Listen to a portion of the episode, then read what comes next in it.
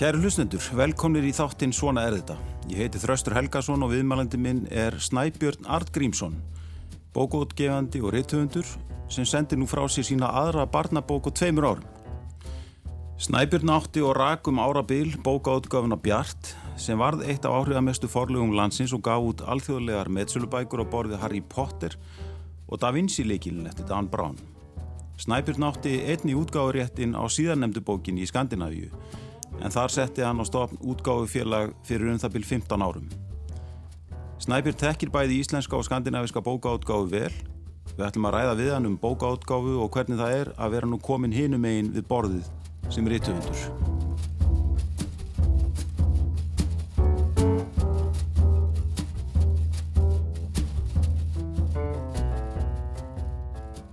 Snæbjörn, velkomin í þáttinn. Takk. Hvernig er það fyrir bókaútgefand að vera nú orðin rítuundur og, og það hjá þínum helsta samkjæmnisaðila á árum áður, forlæginu? það er það er þetta ágætt að vera komin á annan stól en ég á mjög erfitt með að kalla mig rítuund, ég vil ekki geta að kalla mig rítuund og, og hérna ég hef þetta verið eiginlega frá því ég mann eftir mér bókaútgefandi. Ég það var eiginlega mitt fyrsta starf e, þegar ég var fullorðin að stofna mitt eigið fóla og, og, e, og allt mitt líf hef ég verið eiginlega samtengdu því að vera fóleikeri á Íslandi var það þannig að þegar fólk hitti mig þá var það yfirleitt að ég var bara kallaði Bjartur og ég heiti ekki Bjartur. Og sæl Bjartur. Og þannig að ég var ég var hérna forleikjari og í öll mín ár hefur ég verið forleikjari. Og rauninni þegar ég hætti að vera forleikjari þá var ég kannski svolítið hérna vissi ég eiginlega valla hver ég var á tímanbili og þurfti eiginlega að hugsa mig um. En að kalla mig rítöfund það finnst mér svolítið, svolítið erfitt. Ég hérna ég hef stundið farið til Parísar á þar, eða á eða hef afdrepp þar og get veið þar kannski í viku og skrifað og mótana fer ég oft niður á kaffihúsi það er svona lítið kaffihús þar. Og þar þetta er hipster kaff, kaffihús og þarna eru þrýr ungi krakkar sem eiga þetta og reyka þetta. Við held að það sé sex borð og þannig kem ég á hverju mótni því ég sitt í París og skrifa. Þau eru svona með húur og strákur með síðskegg og svo kem ég þarna inn og þau heilsa mér alltaf mjög viðurlega og ég fæ minn háragröð og mitt kaffi. Og svo hafði ég komið þarna í marga daga og oft. Svo kemur hann til mér eins og strákurinn og svona hallar sig að mér og segir við hvað starfar segir hann. Ég hafði þá gefið út mína fyrstu bók og var hættu svo forleikjari og ég horfði á mann og hugsaði já við hvað starfa ég? Ég get alls ekki sagt því reytöfundur það get ekki sagt Þannig að ég misti það út um mér, ég sagði ég er hjartalæknir, sagði ég. Já, og það fannst um öll og þau stóð þarna öll og hlustuði á þetta þau öðruglega að tala um hva, hver er þessi maður sem kemur alltaf. Hjartalæknir, sagði ég. Og gæti einlega svona réttlega fyrir sjálfum mér að, já, ég, ég veit ekki akkur ég segi hjartalæknir en kannski er það vegna þess að ég held að það sem ég skrifa eða það sem ég vil skrifa geti kannski svona læknað hjörtu eða gert hjörtun glöð. Og en ég gæti alls ekki sagt ég var, var rítöfundur, það varst mér ekki viðegandi og mér finnst það allt og virðulegu títill raun og veru sem það er náttúrulega. Já, já. og þannig að ég og svo þegar ég kom næstu mótna þá sögðu alltaf Bonjour, doktori. ég var komin í algjör og guðatölu í aðeim, pjartalæknirinn og ég var bara svo fegin að ég þurfti aldrei að lífka neitt við þetta á skafúsi. Því ég kann ekki það svolítið, sko. Já, en þú gegstu ekki með rítuðund í maðunum, eins og stundum er sagt. Uh, öll þessi ár sem þú varst að fást í bókátt. Sko, var... Þú varst í bókmyndafræði líka? Já, já, já. Ég var mjög oft spurður að því þegar fólk hitti mig og lenda spjalliði fólk og það segði fólk hvernig er það með því sjálfan, ert þú ekki að skrifa? Og mér fannst það alveg fráleitt. Nei, ja, það, ég, það, það ger ég ekki og ég held ég, ég aldrei eftir að gera það. En ég þýtti nokkra bækur sko. og, og hef þýtt alltaf í gegnum árin og, en aldrei skrifa neitt sjálfur en, en, en eh, ég en eins og allt í einu þegar ég hætti að reyka fóla þá var ég svo sem að, að þýða bækur áfram en, en svo kom þetta nú til mín að ég, ég skrifaði bók allt í einu. Já, einmitt. En hefur þú lært eitthvað að því að vera hinnum megin, bor, borðsins? Eh, já, ég hef lært mikið að því. Ég hérna ég hef lært mjög mikið að því og, og það er margt sem að læri sem er rítvöndur og ég, me, ég meina þá þetta í sem sé, þú lært eitthvað að því sem bókaforleikjar Já, ég, ég, ég hef nú oft hugsað með sjálfur mér, ég er því örgulega stórkostlugur bókaforleikjari núna eftir ég hef verið reynd þetta að vera rítvöndur og hvað það þýðir að vera rítvöndur Já.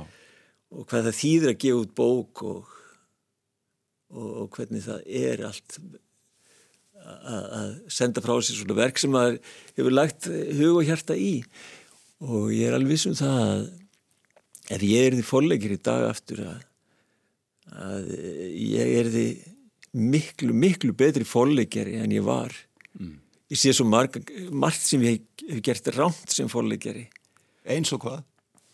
Sko, þetta eru svo langt mál og hérna, sko, ef maður er fólkleikjari, ég, ég er búin að sjá það núna, ég hef lært á því að vera rítvöndur, þá er eiginlega sko, og kannski gerði ég þegar ég var fólkleikjari, ég hafði ótrúlega mikla ást á bókum mm -hmm. og mikla ást á þenn bókum sem ég gaf út og þótti væntu þær, en kannski mismikið um, um sagt, hverju einast, sum bókur, bækur elskaði að að öllum mínu hjarta mm -hmm.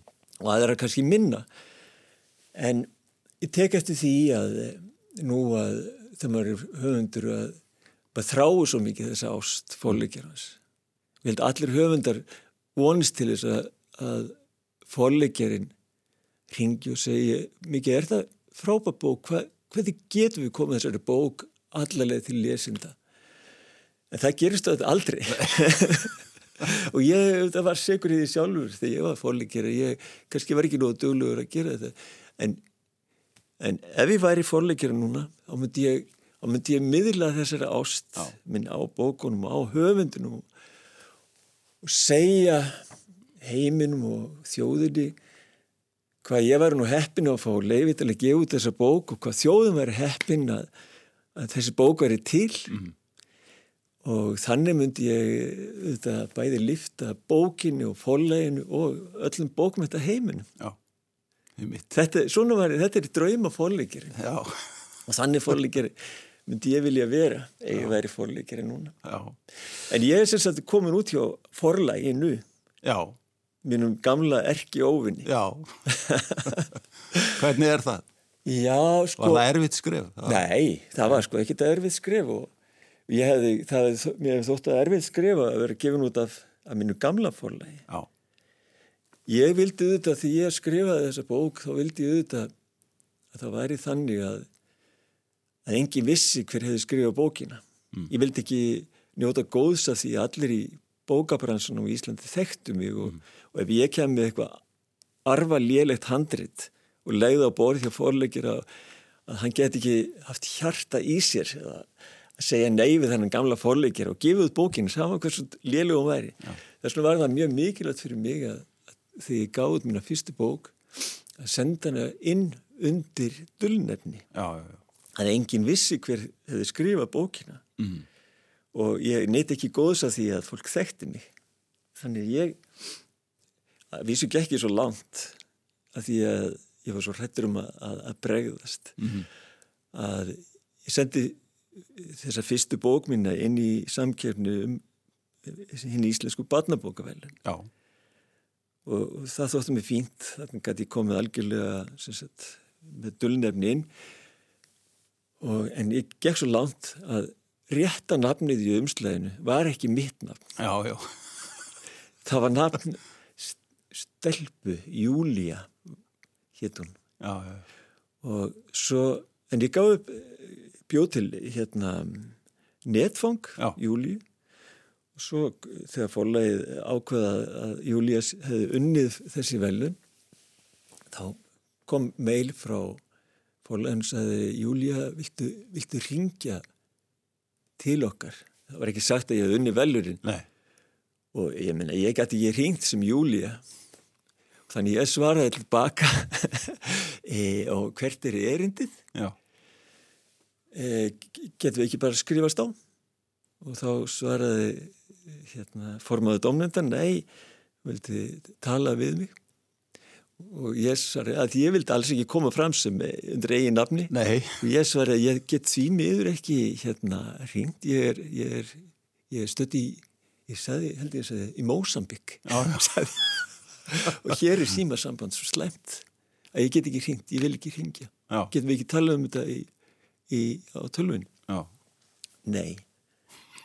Það var bara ekki hægt. Formaðu dómynda vildi alls ekki. Nei. vildi það alls ekki og hérna þannig að ég, ég varði að ringja og, og ég varði að gangast við því að, að þetta var ég sem hefði skrifað þessa bók.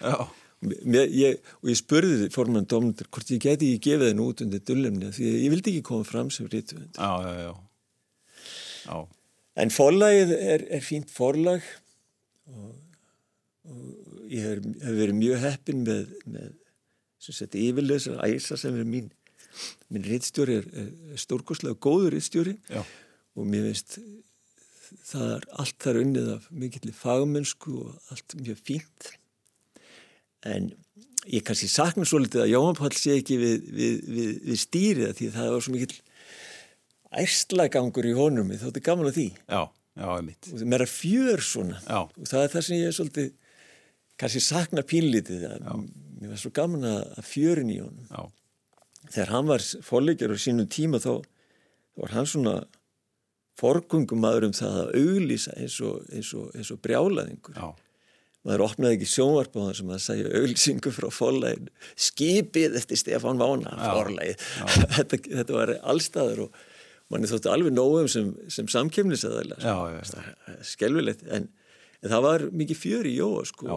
og hann gekk langt já, gekk að, sérst, alveg út að mörgum hins síðfyrirlega fast mér stundu sem, sem samkemnisaðalega Já. en e, það, það er gaman mér þótti gaman að, forlægin á sínum tíma Já, einmitt. En hvað kom til að þú fórst að skrifa barnabækur? Af hverju barnabók? Já, þetta er, þetta er, hans en góð spurning og, og ég veit, ég, ég, þegar ég fór að hugsa um þetta því ég, þá, þá heila manni ekki hvernig, heila algjörlega hvernig stóð á því ég fór yfirleitt bara að skrifa. Mm. En ég sá þessa auglýsingu um, um samkernina og, og ég hafði hugsað sko, ef ég, að því að ég menna, ég hafði se- se- se- selt fórlægið mitt, ég seldi fórlægið, útlenska fórlægið 2000 og sent 2017 og vann svo fyrir politíkins fórlæg sem keifti fórlægið mitt áfram en, en svo sagt ég, mátti ég ekki stopna fórlæg þannig eða gera neitt í, í þeim bransa þannig að ég vissi ekki alveg hvað ég ætti að gera við mig. E, fekk strax e, hérna þýðingaverkefni og en svo svona meðfram því fór, fór ég svona hvort ég ætti að pröfa að skrifa bók. Og svo sá ég þessu auðlýsingu frá, frá hérna hérna íslensku barnabókavölunum og settist niður. Já. ég man ég settist niður eitt kvöld og, og svona hugsa, já, ætti að prófa þetta? Og skrifaði fyrstu setningu bókarinnar. En svo þegar búin að því þá hugsa ég, ég minna og um hvað er þessi bók? Ég hafði ekki hugmynd. Nei. ég hafði ekki hugmynd um hvað ég ætlaði að skrifa og, og hérna og ég hafði eiginlega valla stáð upp þegar, þegar einn af minni mörgum svonum sagði mig sögu af, af manni sem hafði hérna horfið hann hafði sagt, verið á Wall Street og, og hérna á sjö dögum hafði hann breytt 100 dollarum í marga miljónir dollara og síðan var handtekinn fyrir svindl fólk held hann að svindla svo mikið af því að hann gerði aldrei neitt rámt í viðskiptir sínum Já. hann bara kifti verbrif og það, og það stegi í þúsund prósent í, í verði Já. og svo var hann handtekinn þessi maður og hérna og settir í fangilsi og, og menn spurði hérna hver hann væri. Jú, hann sagðist kom úr fortíðinni, nei úr framtíðinni. Já, það er svona gæti hann sem sagt e, vita hvað var að gerast. Já. en svo var hún sleft og svo hvar hún hefur aldrei séð síðan þessi maður. Einmitt. og ég fannst þetta góð saga. Og ég hugsaði, hvernig get ég spunnið það í kringu þessa sög og þannig byrjaði þetta. Einmitt. Báðar þessar bækur, þessi fyrsta sem kom út í fyrra á ansamkendina og svo þessi nýja sem er að koma bara núna úr brentvílunum Já, og hérna kemur á morgun. Kemur á morgun, duðla fulla stittan og drengurinn sem kvarf Já, sko þetta eru, þetta eru báðar þessar bækur eru spennusögur fyrir börn. Uh, og hvað er svona spennusaga? Þú frekar en til dæmis fantasía eða er það eitthvað sem bara höfðar meira til þín eða eitthvað sem þið fannst vanta eða?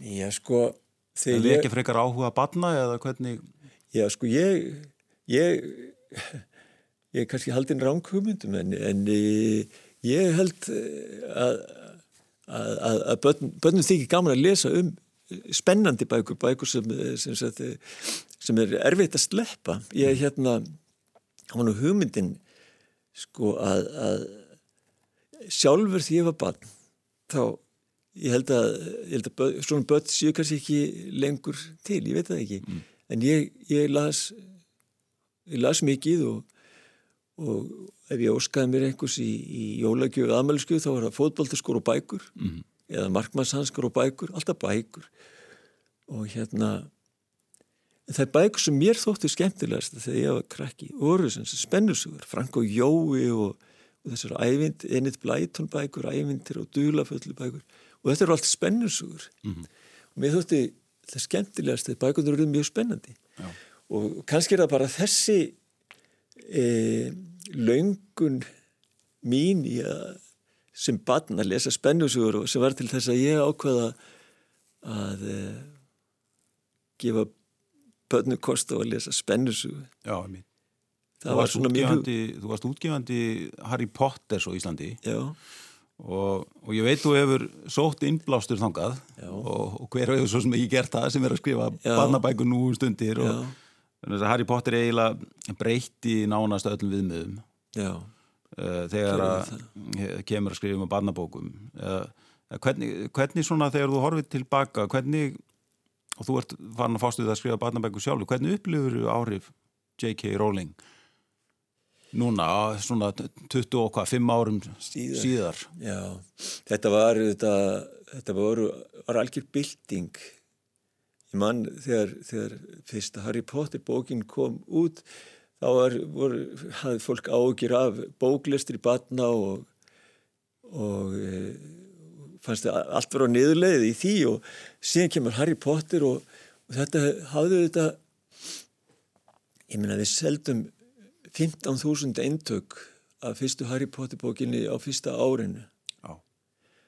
og, og þessi bók fór inn á 15.000 heimil og ég er samförður um að, að stór hluti af íslenskum börnum og einhvern hátt kynntist Harry Potter. Og, og, og fekk ég, og ég hef oft sagt að börn sem ánendist ekki bóklistur og, og, fá ekki þessa tilfinningu af þessum ánægi við að lesa bækur sem börn það er kannski erfiðar að síða mér að, að skilja hvað það er, hvaða nöytt það er að lesa bækur og ég held að Harry Potter hafa allavega halið þarna upp eina kynsluð, ef ekki tvær af, bókum, af, af börnir sem, sem njóta þess að lesa bækur Já, einmitt. Hver, svona, hver er að þínum mati galdurinn á bakvið þessa bækur um Harry Potter?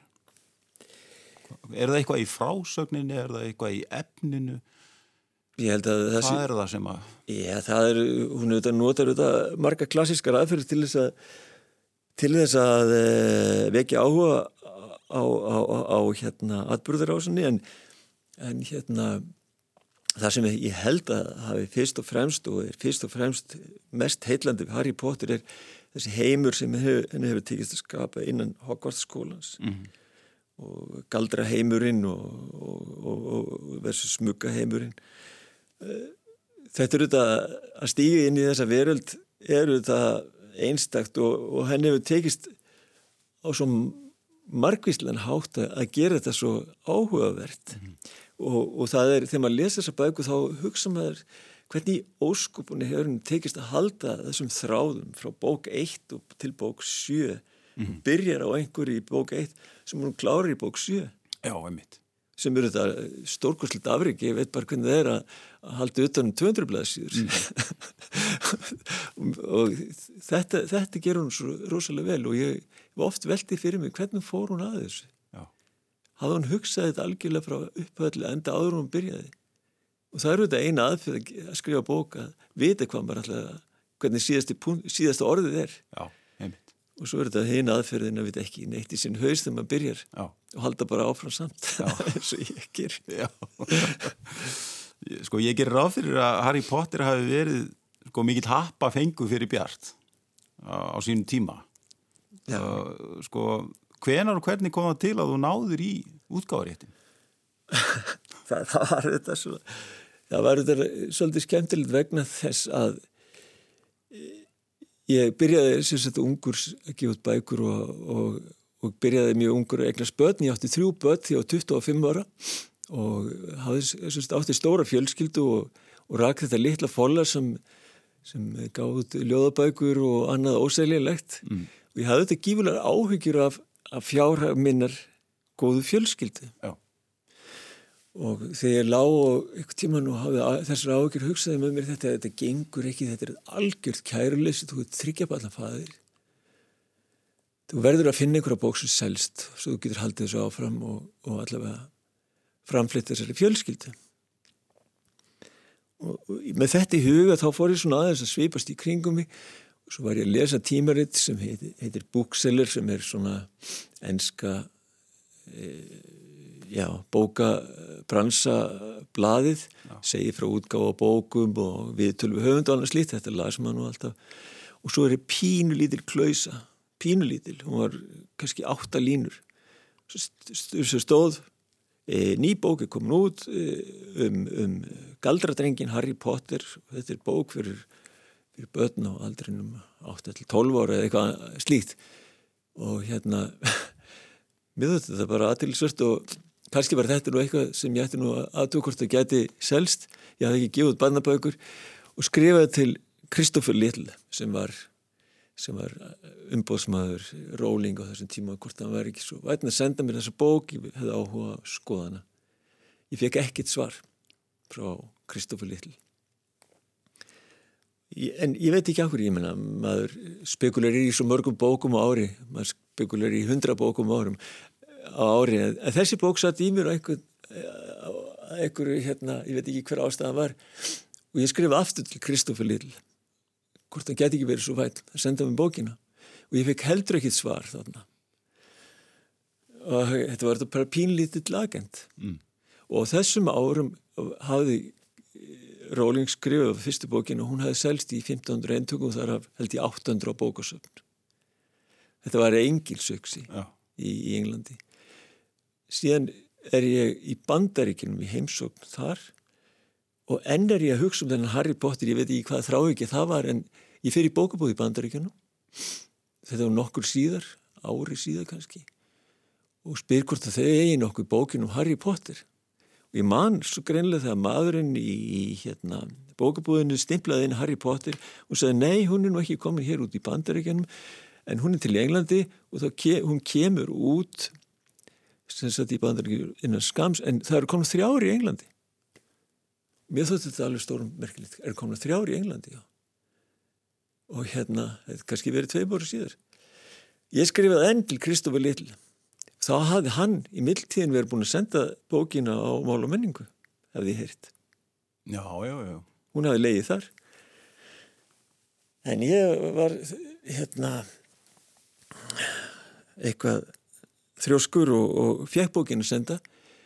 Ég, því ég las hana fyrst þá var ég, var ég svolítið ég skildi ekki sjálf um hvað var þetta með Harry Potter, akkur ég var svona áhuga samar um hann og fannst bókin kannski hún var full laung fannst mér. Og, og hérna og þessi, þessi fyrstu kablar um, um vera hans í, í, í smáborgarkverfinu í Englandi voru kannski ekki sérstaklega áhugaverði fyrir íslensk börn Nei. og ég var svona í Eva en ákvað samt að kaupa hana og hérna, en síðan gerist ekkit þess að ég let bókin í hendur stíðandar sem átti við áfengisvandabála stríða já, já.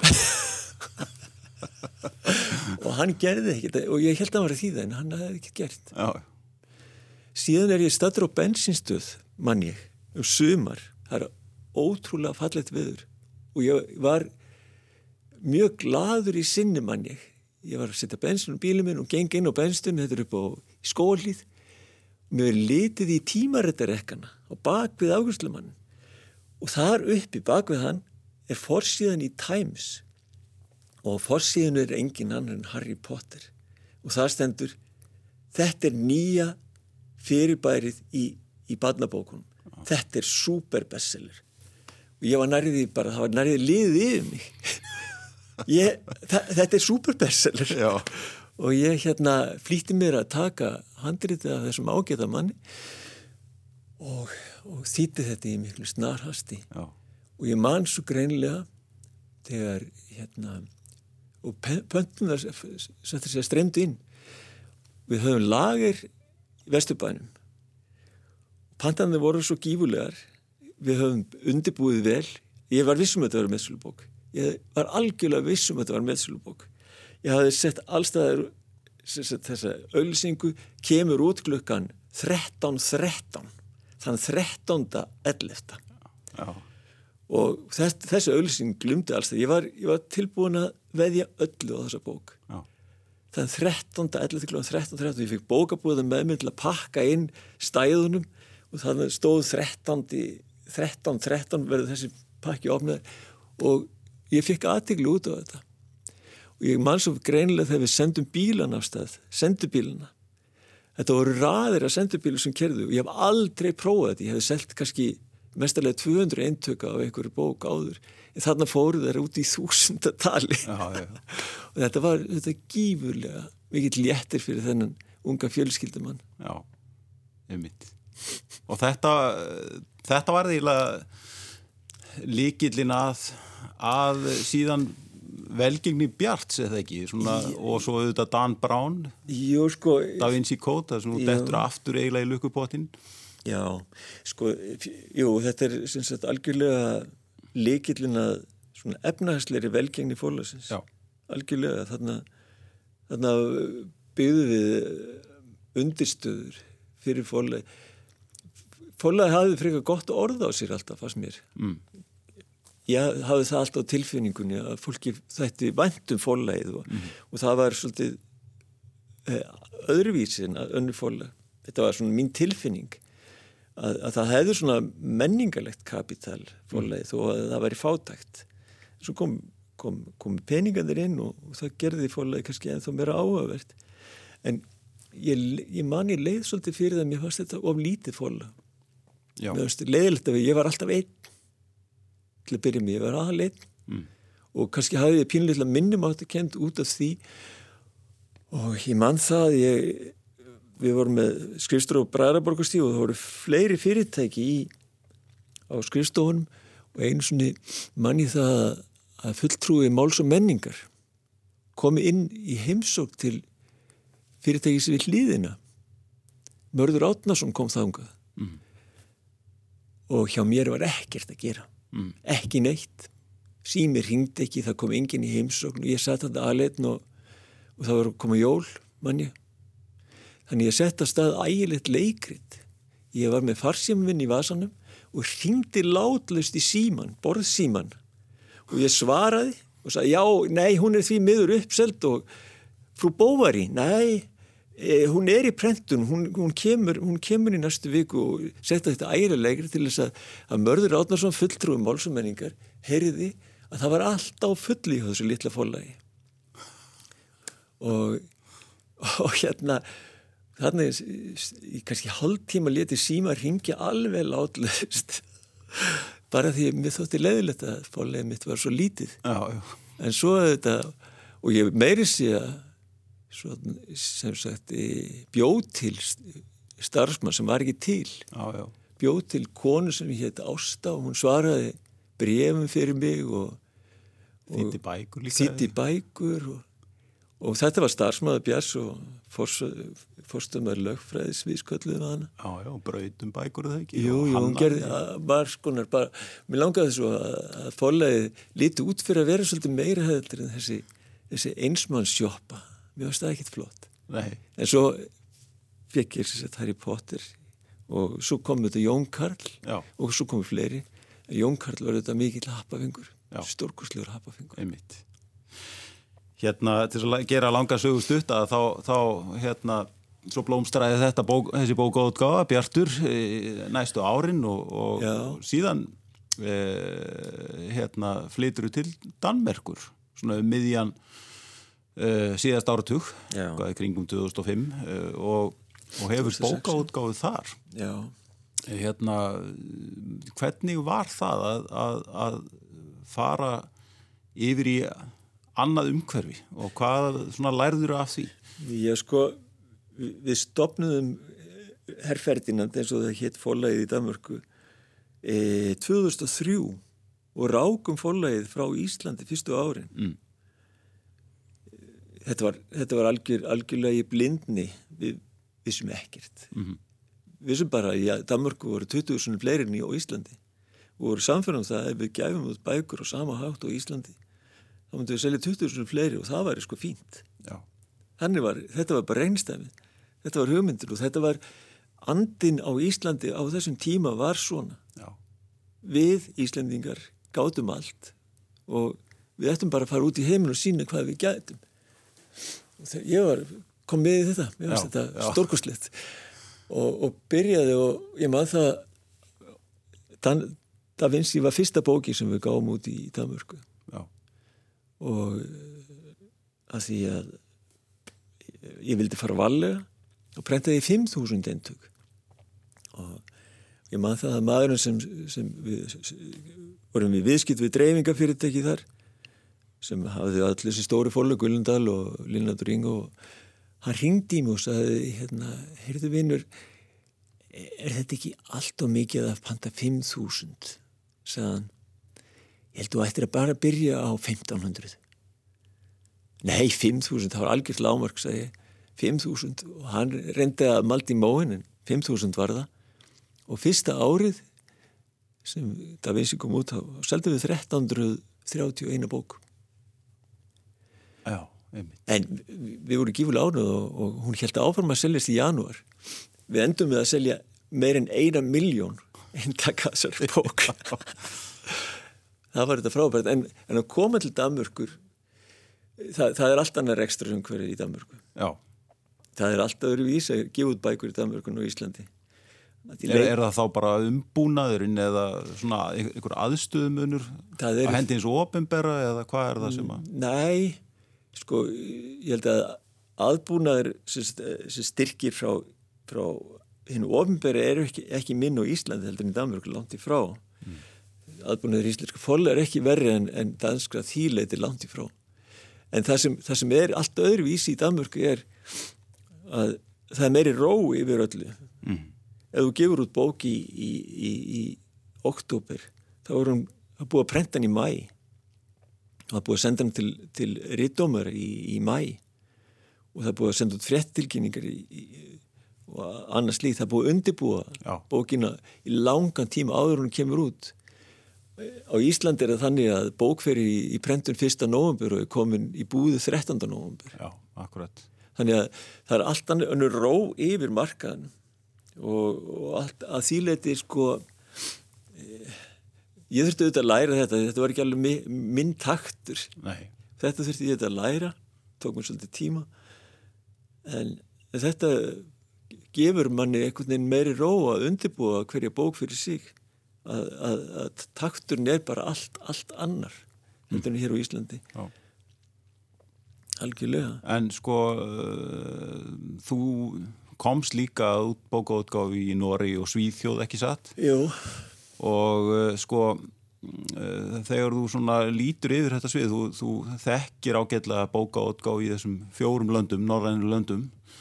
Uh, sko er eitthvað sem þú myndi vilja breyta hér að, að hafandi svona þessa reynslu í, í íslenskri bókaótgu eða, eða aðbúnaði hennar?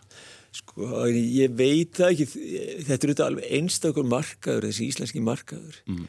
í þessu fámunni að þetta er, þetta er örglega minnsti markaður í heimi, minnsti, minnsti svona talkerfi sem getur borið bókaútgáfi Já. og það er runni með ólíkinn með þetta sé, sé hægt mm -hmm.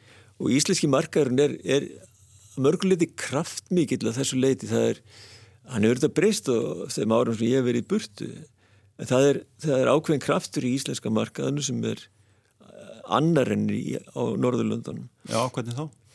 Já, bara þessi þú veist þessi, þetta er svona meira að fólk er meira spontant að meiri svona drivkraftur einhvern veginn í getur verið það meira, meira það líkur einhvern veginn meira undir hér á Íslandi bók kemur út fyrsta, 15. november hún er eh, nýbú á prentan og það er einhvern veginn allt á suðupunkti á Íslandi mm. þegar bækur kom út og í Danmörk er svona með ró yfir fólk en vandin kannski hér það vandar umfjöllunum bækur mm. það, hún er ansi lítil hér á Íslandi í, í í löndunum á kringu okkur miklu meira. Það er sem sagt meiri svona kannski vitrætni umræða um mm. bækur þess mér. Já. að fleiri, fleiri miðla sem sinna því að, að komi rítóma tala við rítöfunda og slíkt. En svo þetta er, er svo norski markaður en algjörlega sér á bóti því það er allt allt hér eh, styrst í baku fyrir eiginlega. Já En, en vandin við norska markaðin er sá að þeir hafa ekki áhuga á neinu nefn því sem norst er. Já, já. Eins og einhver saði að maður ætlaði að gefa út bækur um fíla í Nóri þá þurfti það að vera norskir fílar. Mm -hmm. Annars var ekki hægt að selja bókina. það er eitt eh, sem hefur breyst eh, sem er í umhverju svona bókaátgóð það eru, eru bókaverslanir. Já. Þeim hefur fætt hækkað mjög mikið við höfum séð það hérna heima og síðast bara lokun bókabúða máls og menningar og lögvinn hvað e, þetta hefur líka gerst í Danmörku já, já. og undanförnum árum. Hvað er hægt að gera í, í hérna til þess að ebla bókabúður Já, sko það þýðir ekki að opna bókabúð sem hefur e, gulnaðar bækur út í glugga og, og engin, engin spirit í kringum bókabúðina. Mm. Það þýr ekki að opna svona gamla, gamla gammaldags bókabúð lengur. Það, það fer engin að inn.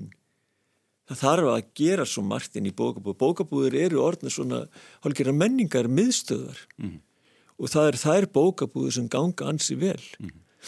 Þetta eru bókabúður sem hafa upp á svo margt að bjóða, þú getur komið inn í bókabúðinu og þú, þú ert komin inn í annan heim, mm. þetta er heimu bókana Já. og þannig eru sófar, þú getur sest niður og lesið í bókum. Þú, þú getur, það eru skrif eða sérst laung borð, þú getur sest niður og unnið þetta inni og, og kíkt í bækur og meðan og, og fengið kaffi og, og svo eru er þarna sem sagt upplestra, þarna mætur hittur höfunda Þannig eru viðtölu við höfunda inn í bókabúðinu, þannig komur saman kannski hundra manns til að hlusta á höfund sem hefur nýlega gefið út bók mm. eða viðtölu við höfund sem hefur gefið út bók. Þannig eru sem sagt á kvöldin eru, eru, eru námskeið um að skrifa bækur mm. eða fyrirlestrar um höfunda. Þetta eru orðinlega algjör menninga miðstöðar mm. eða bókmynda miðstöðar og þetta eru þær bókabúður sem eiga framtíðana fyrir sér. Já. bókabúður, litla bókabúður með takmarka úrval og hafa ekkert nema einhvern, námsmann sem borður í nefið og býður eftir að, að afgreða bók. Þetta er algjörlega steindutt og enga framtíð fyrir sér. Fólk kemur ekki inn í bókabúð til þess að til þess að, að, að fá bókinu sem það vantar eða ekki, fólk kemur til þess að fá e, fá hugmyndir og fá inspirasjón það er, það er hérna nýju bókabúðir.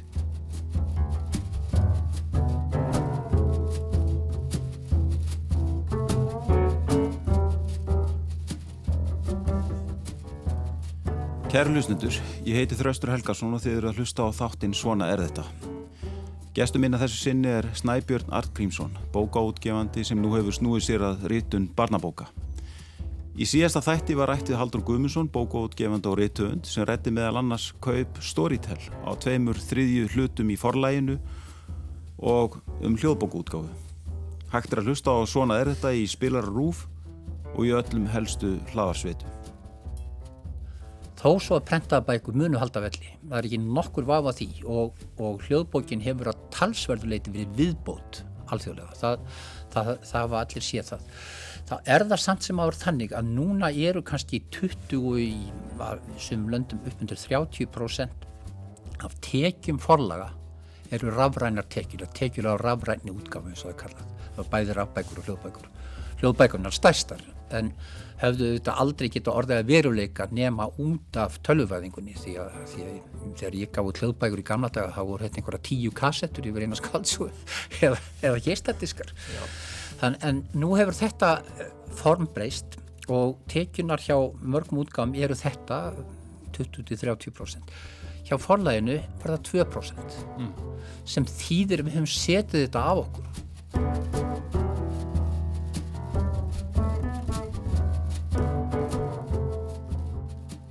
Snæfinn, hefur þú áhyggjur af stöðu bókarinnar? Já, ég er ekki svona, ég er nú ekki yfirleitt svarsitt maður en, en hérna, e, það, það maður ma, má alveg hafa áhyggjur af því að bara, ég hef áhyggjur vegna þess að mér finnst, ef fólk hættir að lesa þá missir það af svo miklu, þannig kannski það er áhyggjur sem ég hef fyrst og fremst.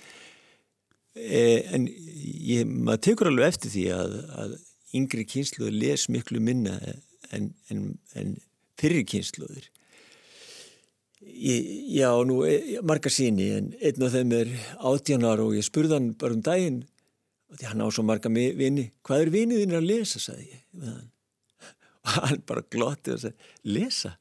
Ekki neitt. Ha? Er þetta ekki lesanleitt, sagði ég. Það er engin af vinnu mínum og hann á örgulega 30 vini sem hann umkikst daglega engin þeir eru að lesa neitt. Það er bara ég sem les er þetta grínast er þetta rétt? Þetta er alveg rétt. Les engin mm. ég þekki engan sem les. Og þá fekk ég bara hnút í maður mér fannst þetta skelvilegt að heyra þetta. Og sattur segja bara fyrst og náttúrulega vegna að ég vorkindur svo þessum strákum mm að fara, fara á misvið þessa, þessa gleði við að lesa bækur. En, en, en, en ég, veit, ég veit vel að, að, bókin lifir af, það er ekki það. Kannski fyrst og fremst sem hljóðbók, ég veit það ekki.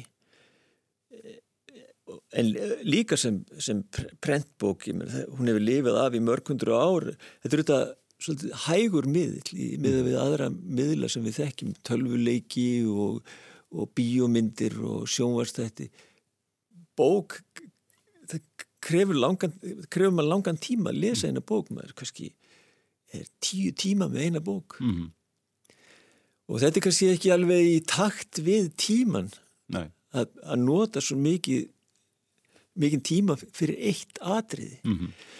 en ég held að, að það verði alltaf til stór eða lítill hópur fólk sem hefur áhuga á bókmyndum og þeirri list sem að það er að skrifa bækur og lesa mm. bókmyndir Hefur uh, þau með tíðindi hérna, urðu í sömar að, að Storytel, þessi sænski hljóðbóka Risi keifti tvo þriðju hluta í, í forlæginu eins og Haldur var ræðum hérna áðan uh, Þú hefur sjálfur líst yfir ákunum áhugjum af þessum köpum Hverjir eru þær?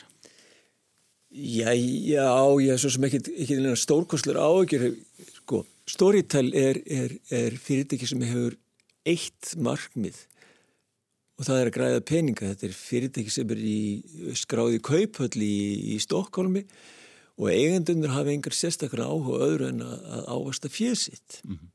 Og þetta er semst orðin stærsti, eigandi stærsta fólas á Íslandi.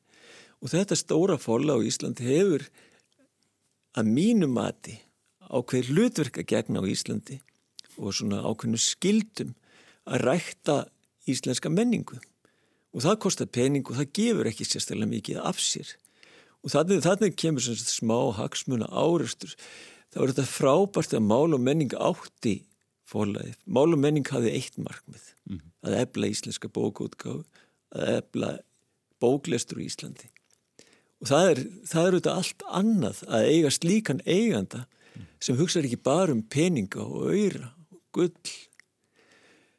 En svo veiti það að Storytel á bæði fórlægi í Danmörku og í Svíþjóð og í Finnlandi og, og fram að þessu það er ekki langt síðan þau keftu þessi fólu hefur Storytel algjörlega látuði afskiptalus þau hafa tryggt peninga inn í fólögin fólögin hafa gengið ágætlega og meðan svo er hafa, hefur, hefur Storytel ekki gert annað en raunni tryggja sér að fá bækur frá þessu fólögum inn í, í hljóðbókaveitunum þeirra streaming skipta þessu ekki að útgáfu stefnu eða reystjólna stefnu þessara forlaga? Ekki svo, ég, þannig hef ég skiluð það ég þekk ekki fólki sem vinnur á þessum forlagum og þau þetta, þetta er ágætis fólk og þetta er fólk sem hefur áhuga því að við höfum það gott í vinnunni mm -hmm.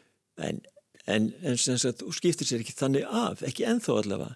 En þeir í Storytel vilja fá bækur inn í vinsalega bækur inn í hljóðbókaveit það þeirra það þeirra líf. Mm -hmm. og, og, og svo gerist það rauninni eins og í Danmörku. Þeir eiga People's Press.